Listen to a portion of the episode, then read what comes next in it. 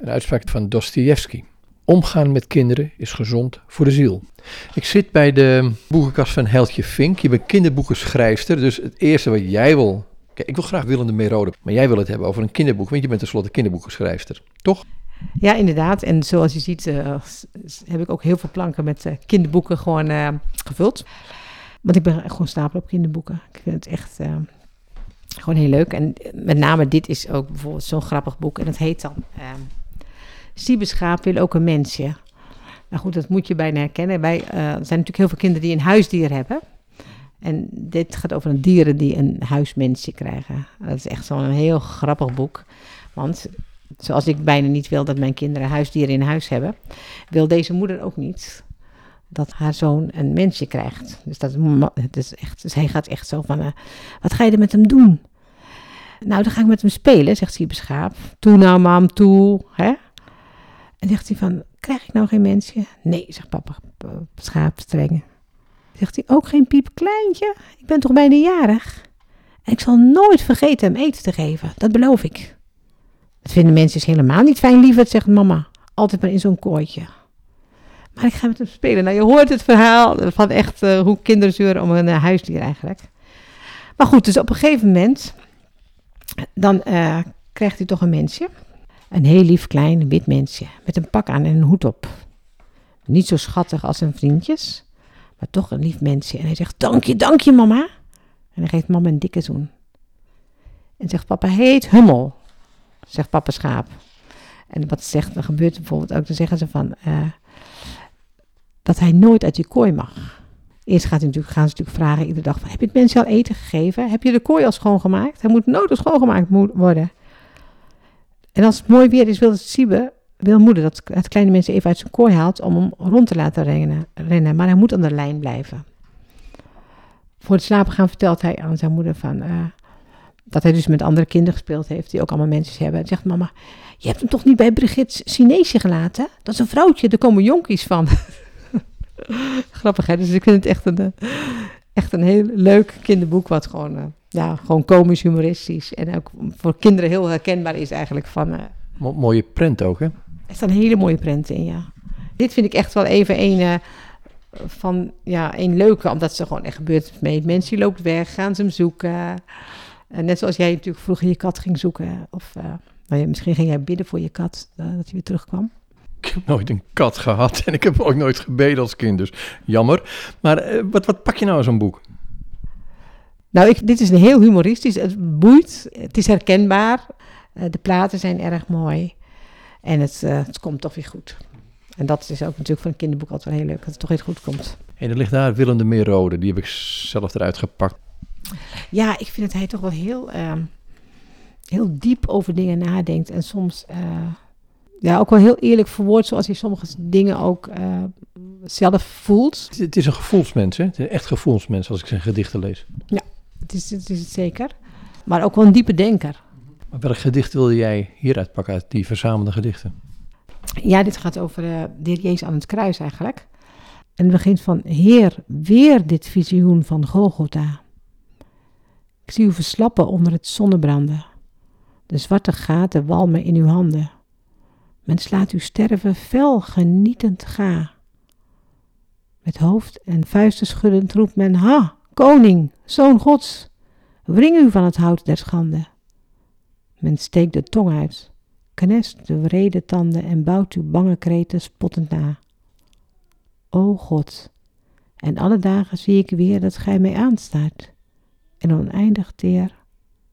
Mijn zoon, gij bij de spotters, schijnt te fluisteren. Ja, Heer, ik sta midden toerende gemeen, maar laster niet, mijn God, waar zal ik heen? Ik wacht vergeving eer uw ogen duisteren. Wat pak je daarin? Nou, allereerst die, die Jezus die dan voor jou aan het kruis gestorven is, hè? En dat hij zich zo aan God vastklampt en ja, nog vergeving wil voordat de Jezus zijn ogen dicht doet eigenlijk. Hè? En daar een boek. En een boek over het heelal. Maar daar heeft dit ook mee te maken natuurlijk. Is toch het, meest centrale wat er ooit gebeurd is in het heelal, is, is de kruising van de Heer Jezus. Dat boek daar, wat, waar gaat het over? Het gaat inderdaad van over de sterren, de planeten. Het ziet er gewoon heel schitterend uit. Het begint echt met een driedimensionale voorkant. Dat is natuurlijk ook al heel mooi. Maar het is ook wel, voor mij is het ook heel indrukwekkend van, eh, het heeft ook met Gods schepping te maken. Hè, van het hele heeft hij gemaakt. In het begin schiep God de hemel en de aarde. En dat, dat zie je in het boek. Hoe onnoemelijk en hoeveel er in dit één zo'n zinnetje zit. Het is fascinerend. Vertelt over de sterren, over planeten, hoe ver ze van elkaar afstaan, hoeveel lichtjaren, hoe de zon is. Dat we niet verbranden, dat het niet te koud is op aarde. Dat alles precies in de juiste... Dat, het luistert heel nauw, het luistert echt heel nauw. Ja, als je naar Venus en Mars gaat, een te koud, de ander te heet. Het is precies op de goede afstand. Het is precies op de goede afstand. En ook, ja, wij worden echt ook, ook moet, het moet inderdaad ook niet anders. En de, de aarde moet ook niet net één centimeter uit zijn as verdraaid worden. Het is zo nauwkeurig is het gegaan. Het is echt ongelooflijk eigenlijk. En daar kun je, dan zie je ook, het gaat helemaal niet over God, hè, maar je ziet echt zo'n stuk van zijn grootheid erin. Het brengt je tot verwondering als je dingen ziet. Als ik dit lees, dan brengt het mij tot verwondering. Dat vind ik ook altijd, als ik dat ding over het menselijk lichaam lees, hoe nauwkeurig het is. En hoe het ene hormoontje het andere in werking stelt. En zo in je oog, wat welke grote wonderen er niet in jouw oog zitten alleen al. Dat alles zo functioneert. En dat vind ik met dit boek ook. Dus ik wil ook echt dit aan mijn kinderen ja, laten zien en, en doorgeven van... Uh, hoe mooi en hoe wonderlijk God alles geschapen heeft. En dat alleen in die ene zin van in het begin schiep God de hemel en de aarde. Nee, er ligt er een boekje van Christa Roosier. Ik wil vliegen. Ja, een van onze kinderen heeft kanker. En dit is, het boekje gaat over Ik wil vliegen. Het is leven na borstkanker. Onze dochter heeft geen borstkanker trouwens. Maar die komt wel, je komt wel tot dezelfde dingen. Bijvoorbeeld, ze heeft een stuk geschreven over een prognose. Hoe ze een prognose kregen en hoe ze dat beleefde. Weet je wel, dat vind ik nou echt super, want je herkent het ook. Denk je, ja, wij krijgen ook een prognose van ons kind. Hè? En die prognose is helemaal niet goed. Die wil het eigenlijk helemaal liever niet horen. En zij schrijft dat dan ook zwart op Dus het is super als je dat gewoon leest. Uh, dus ik wil even voorlezen als het mag. Ik heb vandaag iets gehoord wat ik liever niet had willen weten. Mijn prognose.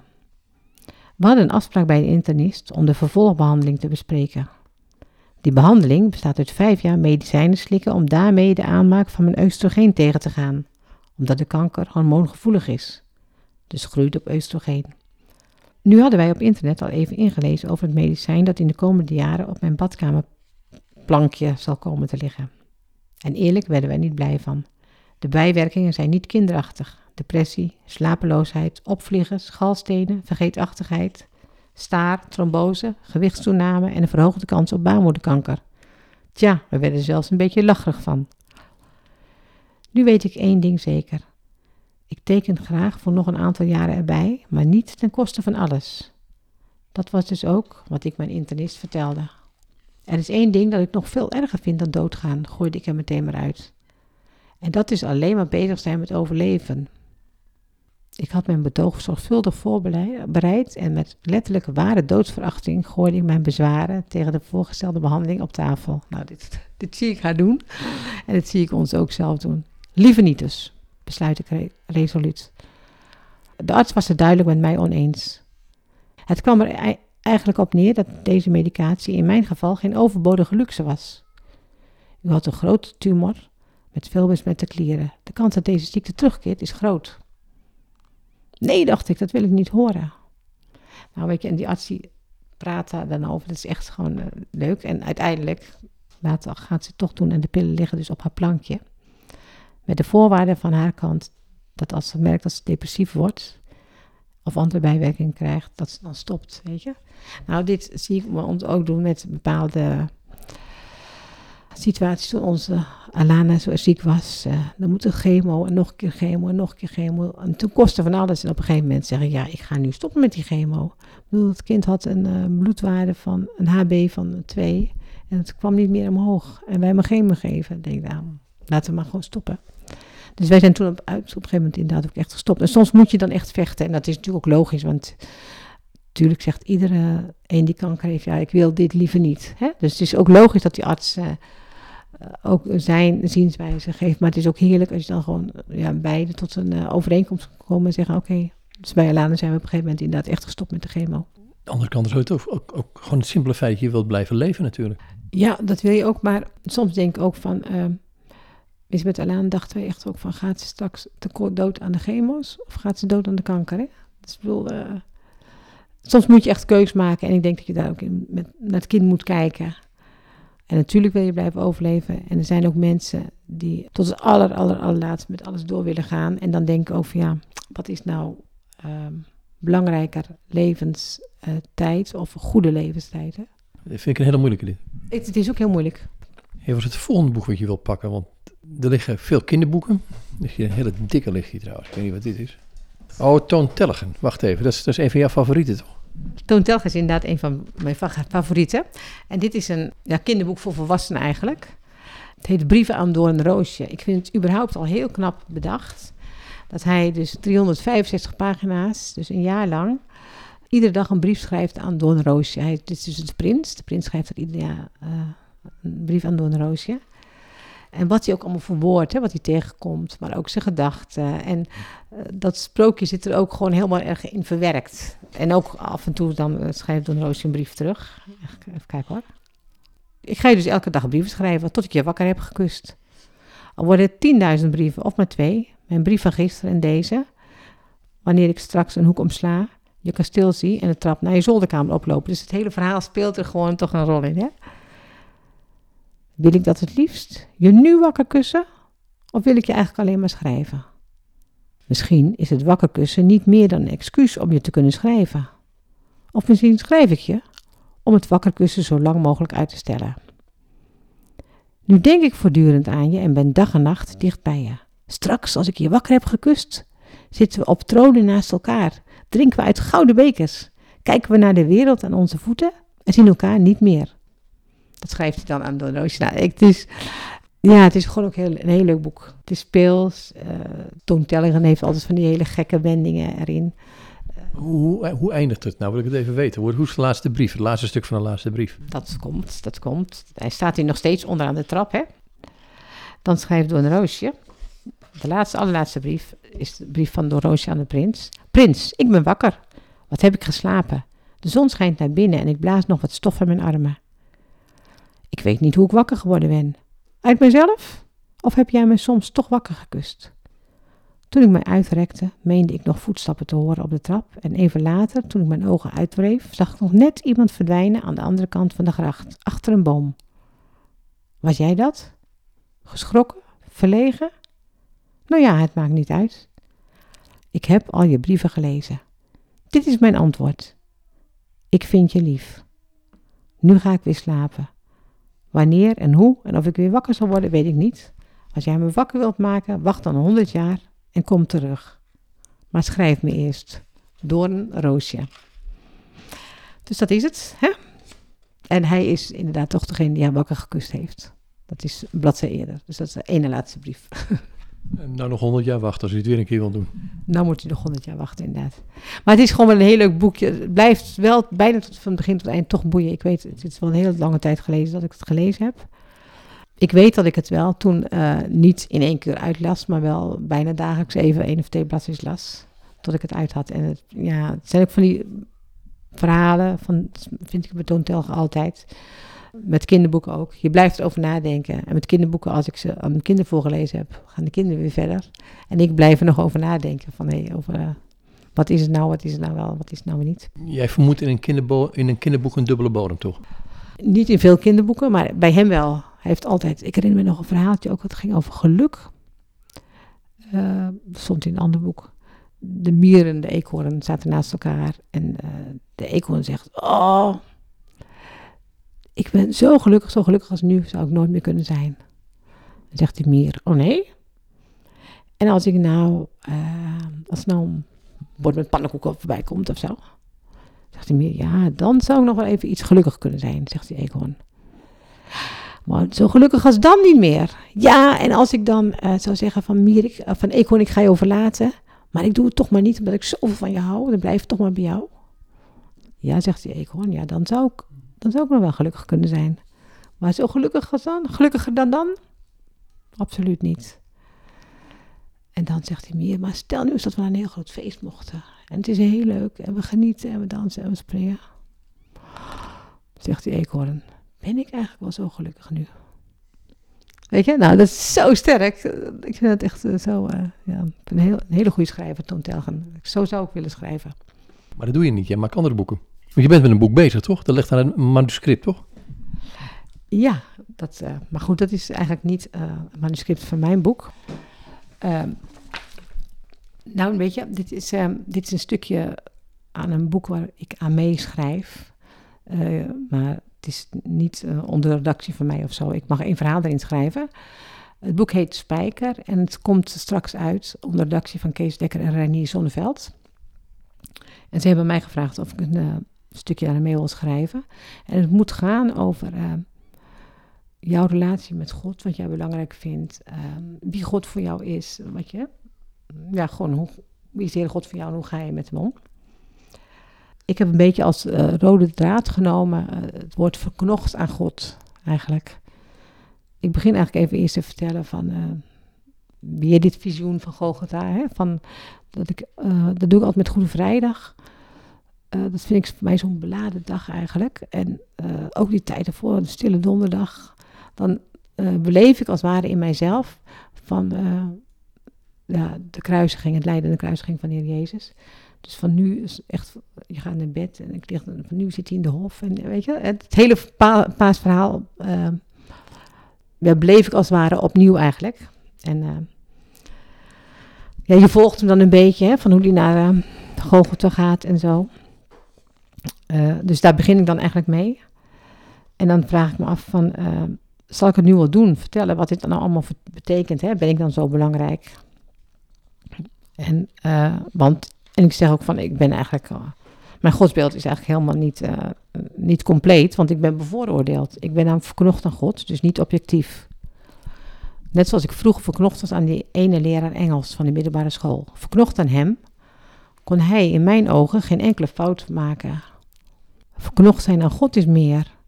Het is niet alleen dat hij geen enkele fout kan maken. Ik moet er in het geheel niet aan denken dat er iets in de relatie tussen hem en mij stuk gaat. Dat kan en mag niet gebeuren. Want wat moet ik dan nog? En ik zeg dit ook regelmatig in gedachten tegen hem met de woorden van het gedicht van Rilke. Rilke is een Duitse dichter. En dit is dan de vertaling. Doof mijn ogen uit. Ik zie u nog. Stop mijn oren dicht. Ik hoor u spreken. Breek mijn voeten. Ik bereik u toch. Zonder mijn mond kan ik u blijven smeken. Breek mijn armen af. Ik omsluit u met mijn hart als met een hand. Druk mijn hart dicht. Mijn verstand blijft vragen. En verteert uw vuurzee mijn verstand, dan zal ik u op mijn bloedstroom verder dragen. Het zijn uiteraard grote woorden en ik besef best dat als God mij met een klein zetje van zich wegdoet, ik nergens meer ben. Maar toch, dit gedicht verwoordt zoals ik mijn geloof beleeft. Ik klamp mij aan hem vast, omdat ik weet dat ik het van hem moet hebben. En ik wil heel dicht bij hem, hem blijven, al zou het mij alles kosten. Die verknochtheid aan hem, dit zeker weken, dat heb ik niet van mijzelf, maar van hem zelf. Ik denk namelijk dat God zoveel van ons mensen houdt, dat Hij die liefde voor Hem zelf in onze harten legt. En juist dat feit is de grote constante factor in mijn leven, want het hangt er niet van mij af, maar van Hem. En dat maakt dat ik niet anders kan en wil dan dicht bij Hem blijven. Nou ja, dus zo begin ik een beetje. Dus dit, ik vind denk wel gewoon het feit dat je weet gewoon van God wil gewoon hè, dat jij van Hem houdt. Hij legt het zelf in je hart.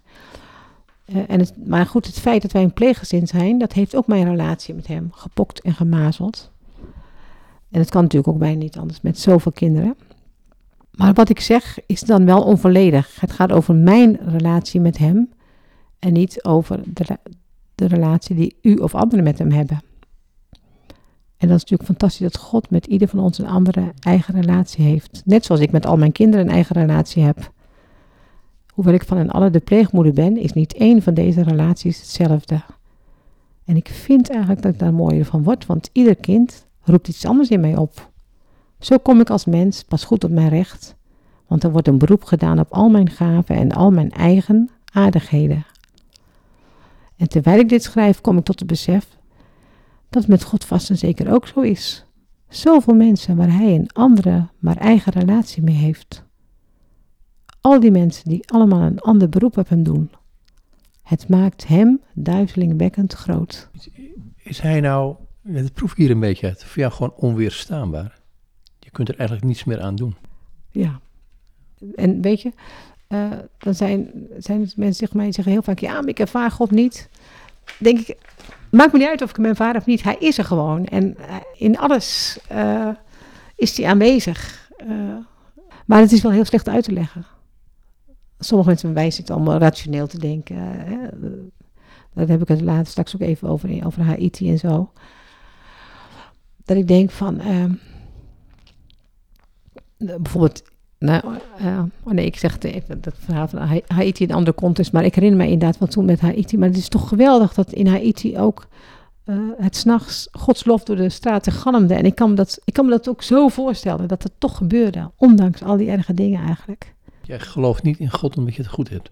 Nee, nee, dat zeker niet. Nee. En nou, in die zin, je bedoelt nog goed gezegd. Ik denk, ik denk dat het uiteindelijk met God gewoon goed is. Dus, maar niet omdat, omdat het dan goed is, niet als beloning of iets dergelijks. Dat geloof ik helemaal niet. Ik geloof ook in God door de diepte heen. Weet je? Dus, eh, Je zit gewoon op een stoel en dat maakt niet uit. hij is er gewoon en hij is, ik bedoel, ehm dat waar zo'n grote kokon waar jij in zit. En God is daar gewoon omheen en aanwezig en alles. En ook in die kokon gebeurt natuurlijk toch van alles. Hè? Dat is gewoon het gewone leven eigenlijk. En ehm, nou, ik leg dan op een gegeven moment ook uit dat, doordat ik verknocht ben aan God, dat de Bijbel echt een waardevol boek voor mij is. Hè? Dat ik echt me ook verwonder hoe hij dan met iedereen, eh, hoe hij al die levens leidt. En nou, veel anders dan ik ooit zou denken. Dan schrijf ik ook, neem het gezin van Jacob. Die vader met die twaalf ruige zonen en één dochter. Wat een zooitje is er daar. Overspel, moord, bedrog. Het lijkt, het gezin, het lijkt het gezin in zijn greep te houden. Als ik naast het gezin van Jacob zou wonen, mochten mijn kinderen niet met Issacharretje en Benjamin spelen. En God sluit met dit gezin een verbond. En tot op de dag van vandaag is het volk dat hieruit voortkomt zijn oogappel. Ik snap er helemaal niks van. Maar ik ben wel ontzettend dankbaar dat God dit deed en dat ik dit verhaal mag kennen. Want inmiddels is mijn eigen gezin uitgegroeid tot een gezin van Jacob. Ook in ons gezin kwamen moord en overspel meerdere keren voor en we hebben al vele gevangenissen van binnen gezien om een van de ouders van onze kinderen op te zoeken. Daarom ben ik toch wel erg blij met het gezin, met het verhaal van het gezin van Jacob. Het bemoedigt me.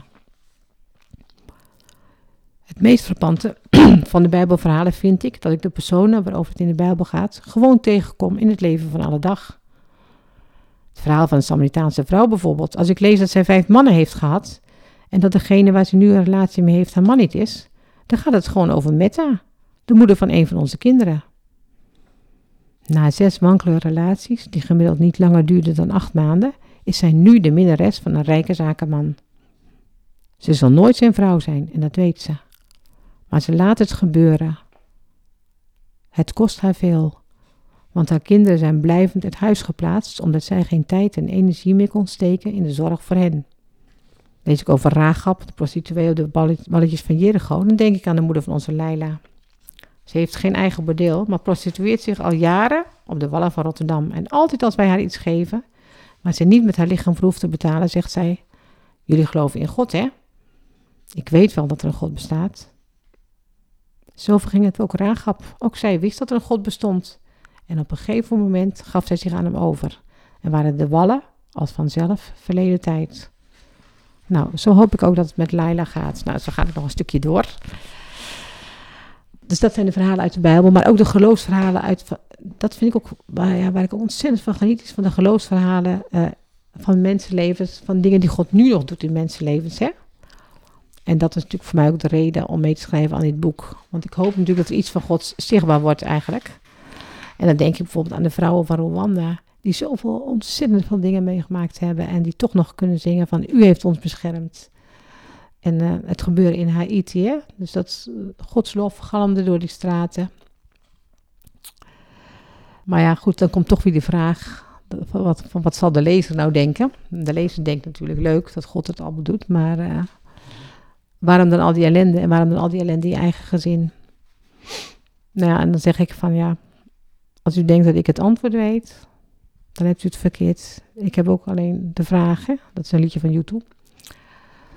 Maar toch weet ik dat God oneindig veel beter voor de wereld kan zorgen dan iemand van ons ooit zou kunnen. En ik heb ervaren dat hij de regie van mijn leven in handen heeft. Dat het de allerbeste handen zijn. En toch vraag ik ook van tijd tot tijd af en toe waarom. En ik krijg op heel veel vragen, of heel veel waaroms geen antwoord. Maar ik denk ook wel vaak terug aan de jaren dat Michael, ons meervoudig gehandicapte jongetje, op zijn rug over de vloer tijgerde. Hij was geboren met niet of nauwelijks spiertonus en miste een stukje van zijn hersenen. Zijn prognose was dat hij de rest van zijn leven op een speelbed zou moeten liggen en geen spierkracht zou hebben. Nou leek dat de eerste jaren ook, want hoe we hem ook vastpakten, we moesten hem met vier handen ondersteunen. Tussen zijn derde en zijn vijfde lag hij met lange perioden op de vloer. Dicht bij hem een felgekleurde bal die hij graag wilde hebben, maar hij kon er niet bij. En ik gaf hem niet. Dus als hij hem wilde hebben, moest hij zelf naartoe. En dat kon hij niet. Hij kon niet praten, maar wekenlang schreeuwde zijn lichaam: Waarom, waarom, waarom geeft u die bal niet? En ik moet eerlijk zeggen dat mijn hart net zo hard huilde als zijn lichaam, maar ik gaf de bal niet. En hij werd boos, en mijn ouders werden boos, en mijn kinderen werden boos. Waarom geeft u Michael de bal niet? En ik gaf hem niet. Inmiddels is Michael negen en nog steeds een slap mannetje, maar hij loopt. En als hij loopt, kan hij zelf zijn hoofd redelijk rechtop houden. Zo kan het soms zijn dat God onze waaroms best hoort en dat zijn hart ook schreeuwt waarom, maar dat hij toch even niets doet, zodat wij groeien en sterker worden. U begrijpt hopelijk wel dat dit niet een antwoord is op alle waaroms. Hoe ver moet ik hiermee doorgaan? Nou, we zijn er wel, denk ik. Hey, dankjewel. Oké, nou, graag gedaan.